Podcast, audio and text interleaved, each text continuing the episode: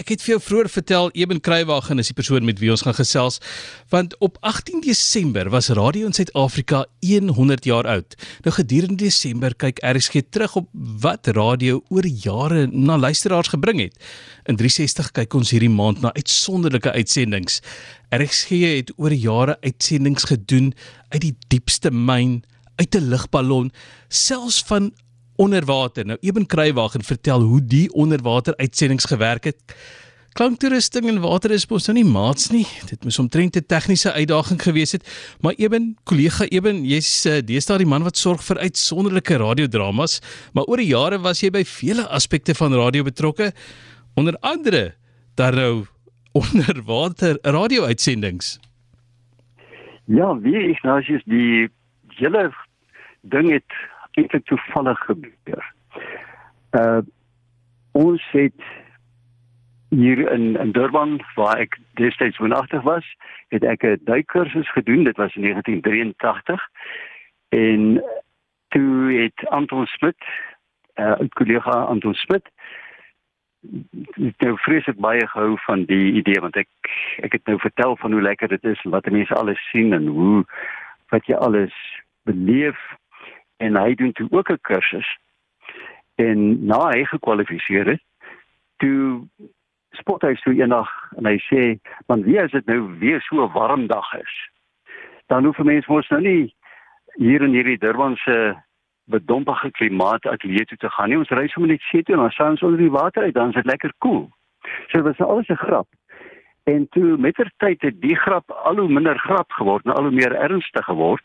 En toe gaan ons na die na Ricky Schick toe wat destyds ons instrukteur was en wat 'n duikwinkel en duikskool gehad het en sê vir hom: "Jong, dink jy daar is 'n moontlikheid dat 'n mens so iets kan doen?"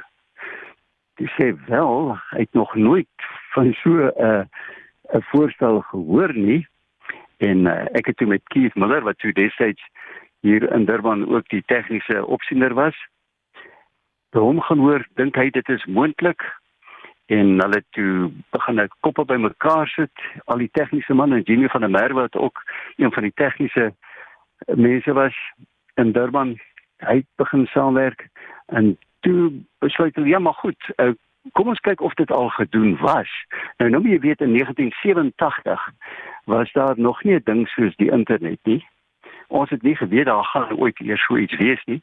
En hier en daar was daar iemand wat nog wat al oor 'n rekenaar beskik het. En ja. Eh, ek dink as jy toe 'n rekenaar gehad het was dit tog met uh floppies gewees jy weet? Hierdie hierdie hierdie slap skyfies. So dat daar was nie vreeslik baie geheue nie. Daar is nou veel meer geheue in 'n geheue stokkie deesdae dink ek wat daar seker in 'n 100 van daai ou rekenaars was. Ja. maar in elk geval so ons het nie 'n bron gehad eintlik om te gaan navorsing doen oor of dit al gedoen is of nie. Jou enigste netstoe regtig was maar um, die Guinness Book of Records. Ja. En volgens alle aanduidings was dit toe nou nog nooit gedoen. Jo, ewen maar ek gaan vir jou sê die tegniese uitdaging wat dit moet wees want ek het op 'n stadium gekyk om vir Martelies te kry om 'n opname te gaan doen by 'n hiperbariese kamer. Jy weet daai apparaat wat gebruik word ja. om mense onder druk te sit en 'n duik te simuleer. Dit word veral gebruik ja. om duikers met borrelsiekte te behandel. Presies, nou, presies ja. Ja, net nou ek ons tegniese personeel vra of die mikrofone dit sal hou, jy weet op die druk van 'n ekwivalent van 30 of 40 meter onder water. Ja. Toe moet ek hoor dit sal nie eens werk nie want die diafragma wat die klank moet oordra sal net plat gedruk word. So julle ja, uitdagings ja. was nogal iets om mee te werk behalwe vir die water. Ja, nee, dit was. En uh, toe begin ons nou kyk nou maar goed, hoe gaan ons dit nou maak werk? En uh, Ricky Schick en Jimmy van der Merwe het nou koppe bymekaar gesit en Ricky het uitgekom met die idee van 'n uh, ou brandweermasker wat hy omgebou het en toe nou om die regte mikrofoon te kry.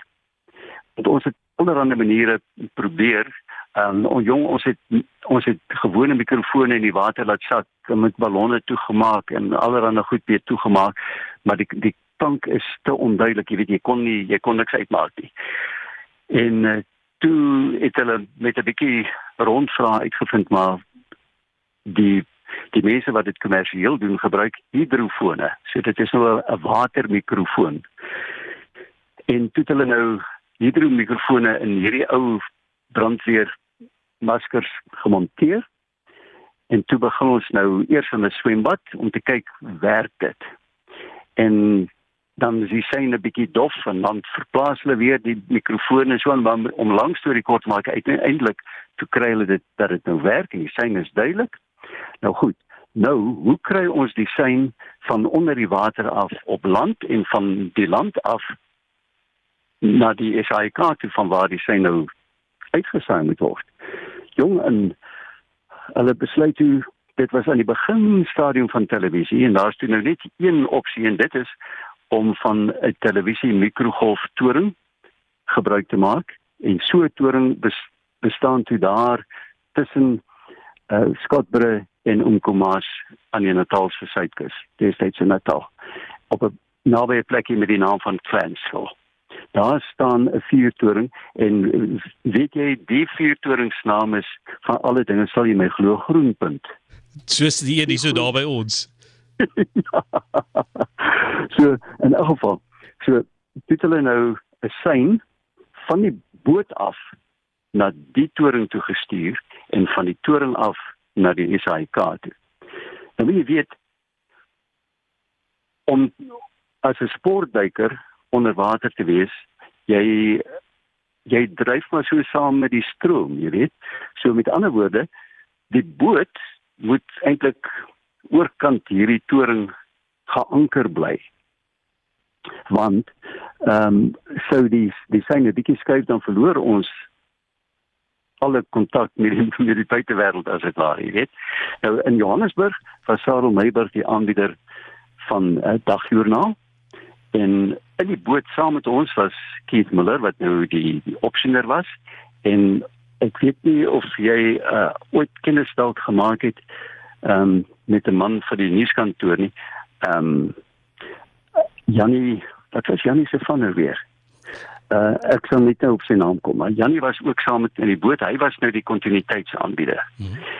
en uh Weile Frikkie Oosthuizen was by die toring sou ons dan nou die sein verloor dan kon hy daarom nou gesê het ons probeer nog weer kontak maak en so. Ewen maar ek dink nou net aan praktiese uitdagings as jy in die water is. As jy in Kaapstad omgewing duik, hierso is seestrome. Hulle vat vir jou en as jy nou moet veg om op 'n plek te bly, gaan jy uit asem wees as jy moet praat. Wat was die omstandighede onder die water vir julle ja. daar?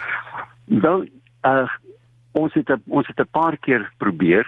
Uh, ons het so so twee oefenlopies gehad en toe so 'n kleuterpetisie. En ehm um, gelukkig hoe dieper jy gaan hoe hoe minder uh, erg is die stroom.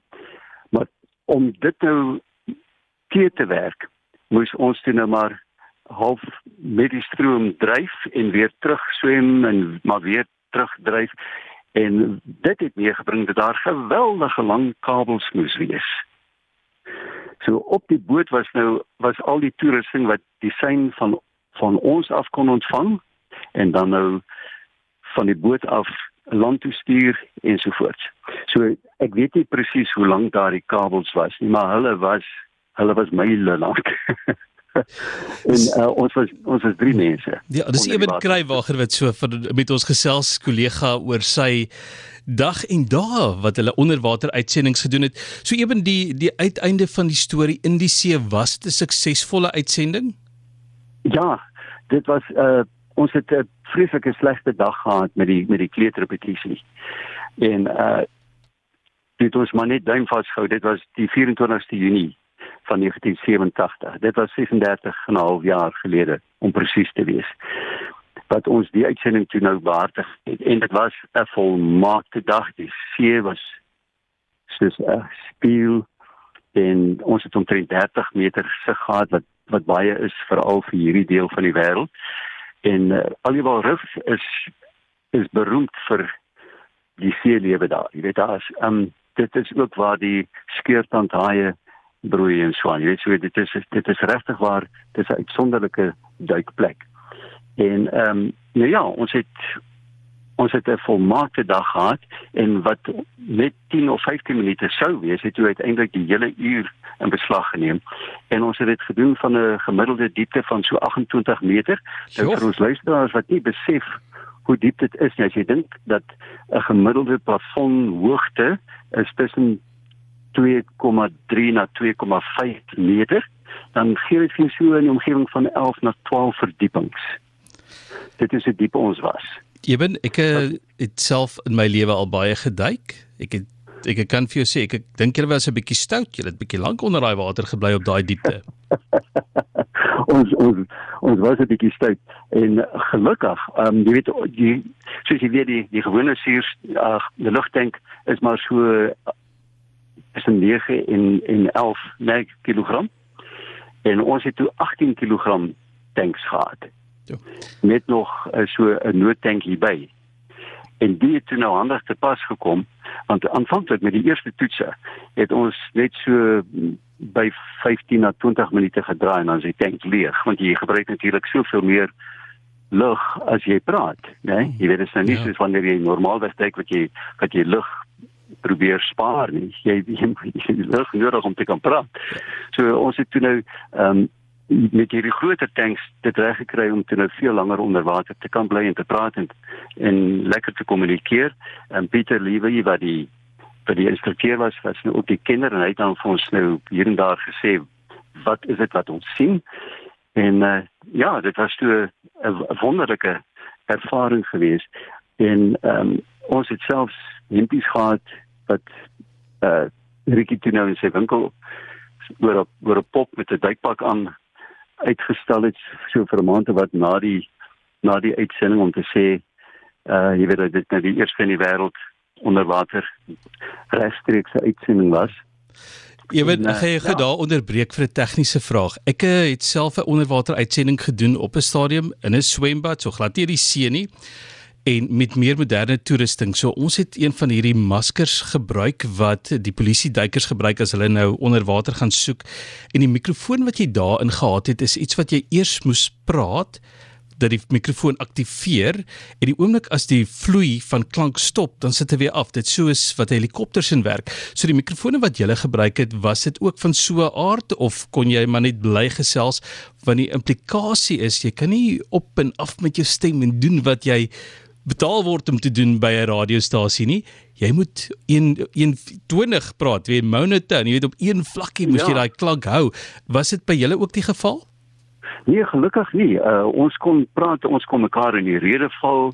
Uh so ons het ons het ons kon praat soos wat ek en jy nou praat, jy weet. En dit ja, dit was gelukkig glad nie sulke beperkings nie. Ehm um, ons het in in fokus hier in 19 laat ek net sê 1995 ja het ek het ek weer 'n uh, uitsending gedoen uit die uh, twee oseane uh, aquarium in in in die Kaap. En daar het ons toe nou van moderne duiktoerusting gebruik gemaak. Maar selfs ook daar jy weet kon ek heel gemaklik met ehm um, met my duikmaat John Bellet wat hy ehm um, wat saam met my was. Ja. Uh, ek kon lekker met hom gesels, daar was nie 'n probleem om om die sein dit nou buite te kry. So, Eben ja, baie dankie vir gesels. Ek gaan jou nou daar moet kort knip. Ons kan nie stout wees en te lank aangaan soos wat jy die vorige keer ja, gemaak het onder die water ja, nie. Anders ja, nee, anders moet ons nou op op hierdie uh beplande uh wat wat noem jy dit nou? Hierdie hierdie hierdie hierdie stoppe, jy weet, na boontoe uitvoer en ons het nie tyd daarvoor nie want dit het ons 'n goeie 15 minute geneem voor ons op die oppervlak kon kom. Ek sou sê dink Eben baie dankie vir die gesels, dankie vir die deel van die herinneringe en die uitsonderlike uitsendings wat RXG oor die jare vir luisteraars gebring het en dankie vir jou aandeel daarin. Baie baie dankie vir die geleentheid en uh, mag ek jou sommer baie sterkte toewens en ook baie voorspoed met die nuwe jaar. Baie dankie. Lekker dag verder.